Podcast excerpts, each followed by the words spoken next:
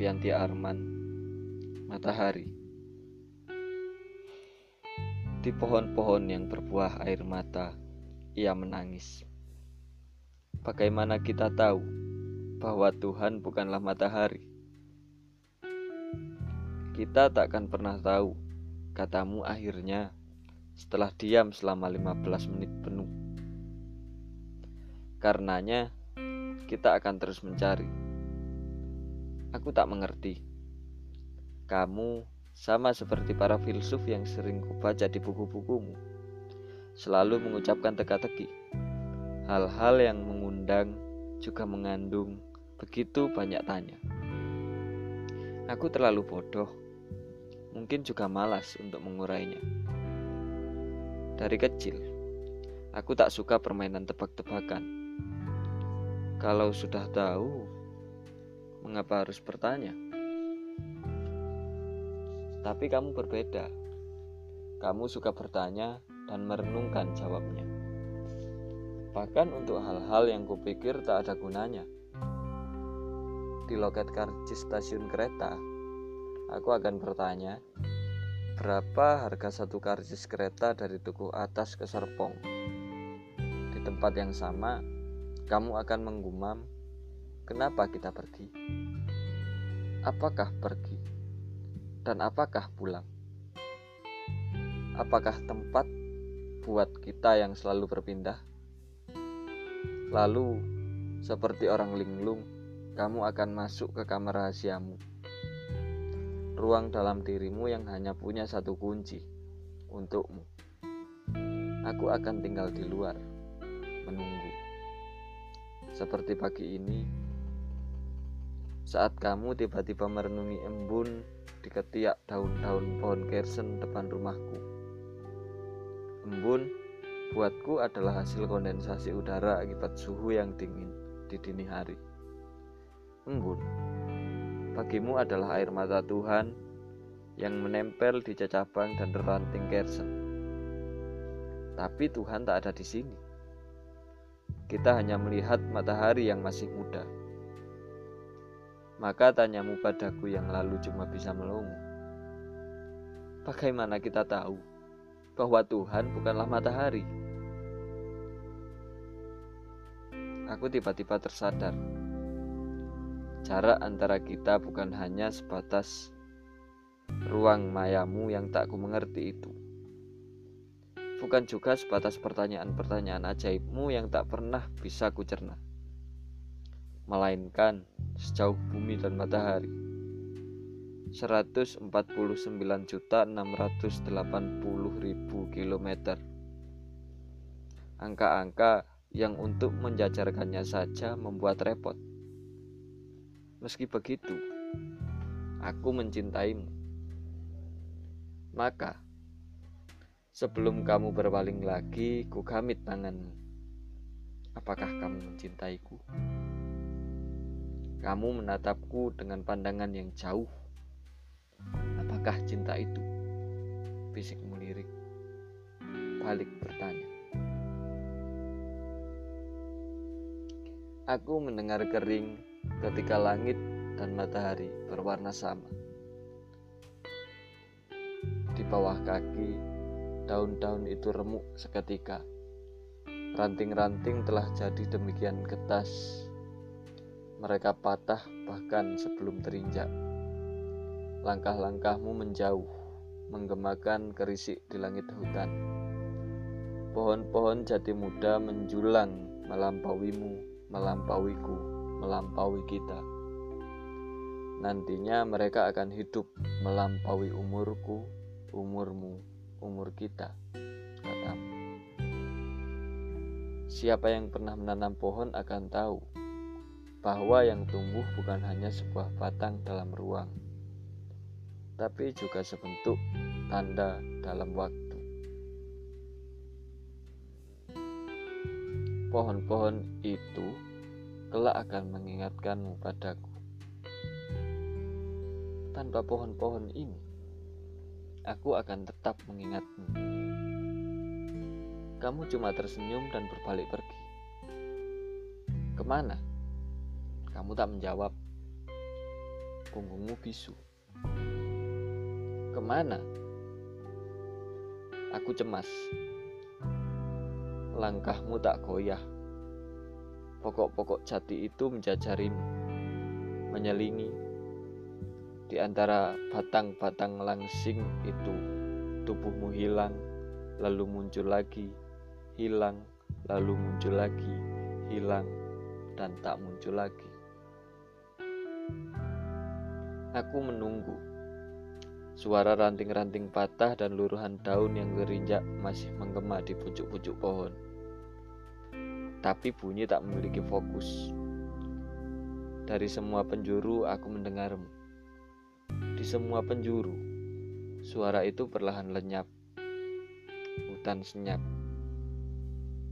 Aku tak tahu ke mana mataku harus mencari. Aku cuma tahu Aku tak lagi bisa menanti.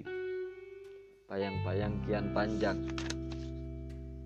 Pohon-pohon jati lalu menghitam. Setelah 60 menit, sunyi itu memberitahu kamu benar-benar telah pergi. Aku mendengar kering ketika langit dan matahari berwarna sama. Tapi aku mungkin tak lagi sama.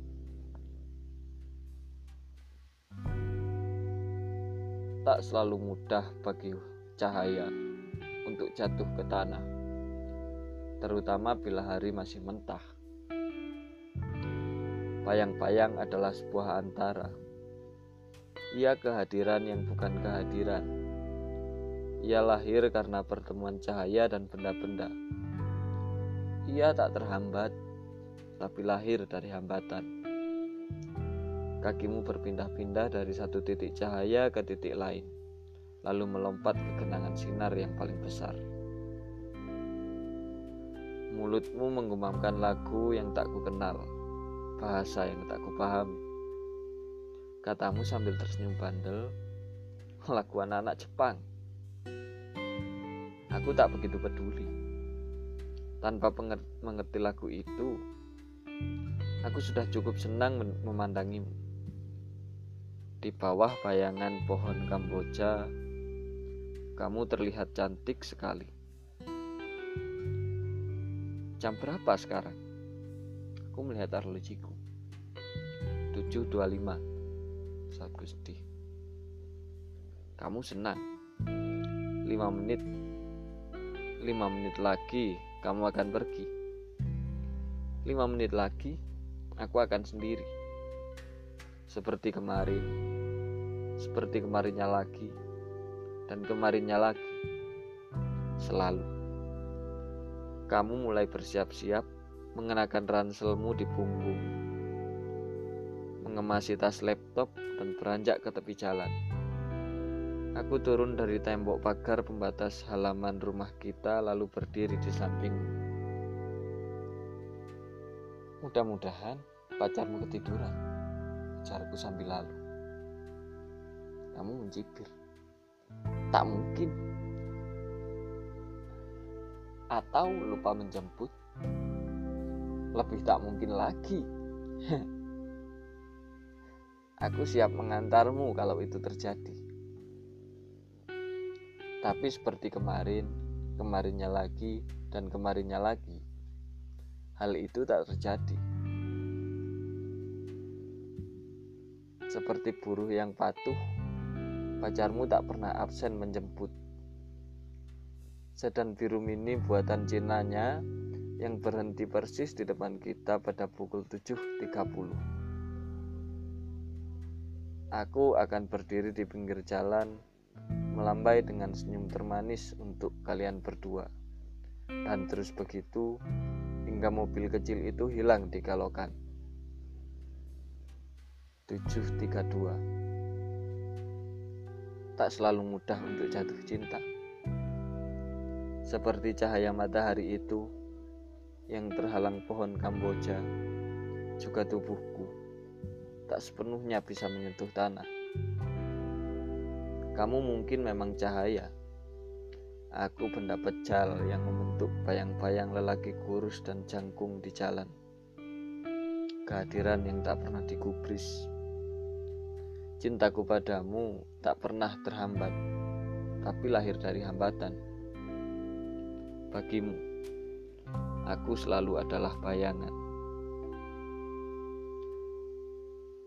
Tapi, bukankah ketika semua hilang menguap, matahari akan terasa asin? Aku menutup mata dan tubuhmu menjelma. Di ujung jariku, lekukmu adalah lembah dan tiap lipatan menyembunyikan jurang dan gua-gua. Hutan-hutanmu melepas wangi pagis yang basah dan suara-suara binatang liar. Aku takut, tapi kamu membiarkanku selimut ini tak mampu menyembunyikan getar kontur di bawahnya. Aku tersesat, juga terpikat. Tubuhmu adalah negeri asing, tapi aku tak perlu pemandu. Kita telah saling melintas perbatasan dan melebur satu bahasa. Aku akan membacamu, menjelajahimu sampai ke tepi kakiku akan menyusuri sungai-sungaimu hingga kamu memahami aku. Ke dalam liang-liangku, jarimu menjajah. Malam ini, kamu adalah fasis yang kucintai. Malam ini kita adalah koloni-koloni yang tak kuasa melawan nafsu. Tiran yang memperkosa kita hingga retak dan lantak. Dan apa yang tersisa? Jejak-jejak di kulit yang kering selepas keringat lesap entah ke mana. Bukankah ketika semua hilang menguap, matahari akan terasa asin? Kamu membuka mata, terbangun, sedikit menggeliat, dan tiba-tiba bertanya, "Apakah aku mengenalmu?" Kamu siapa? Aku adalah sebuah tanda tanya dalam peta tubuhmu dan tubuhku. Kamu sedikit menjauh, lalu duduk menghadapku. Di balik tubuhmu, dari jendela yang terbuka, matahari naik perlahan di atas laut. Kataku, kita telah melewati lagi satu malam bersama. Malam ketiga, hari keempat. Di satu hari yang tak ku tahu, kamu akan menulis ulang peta ini di tubuhku. Agustus 2010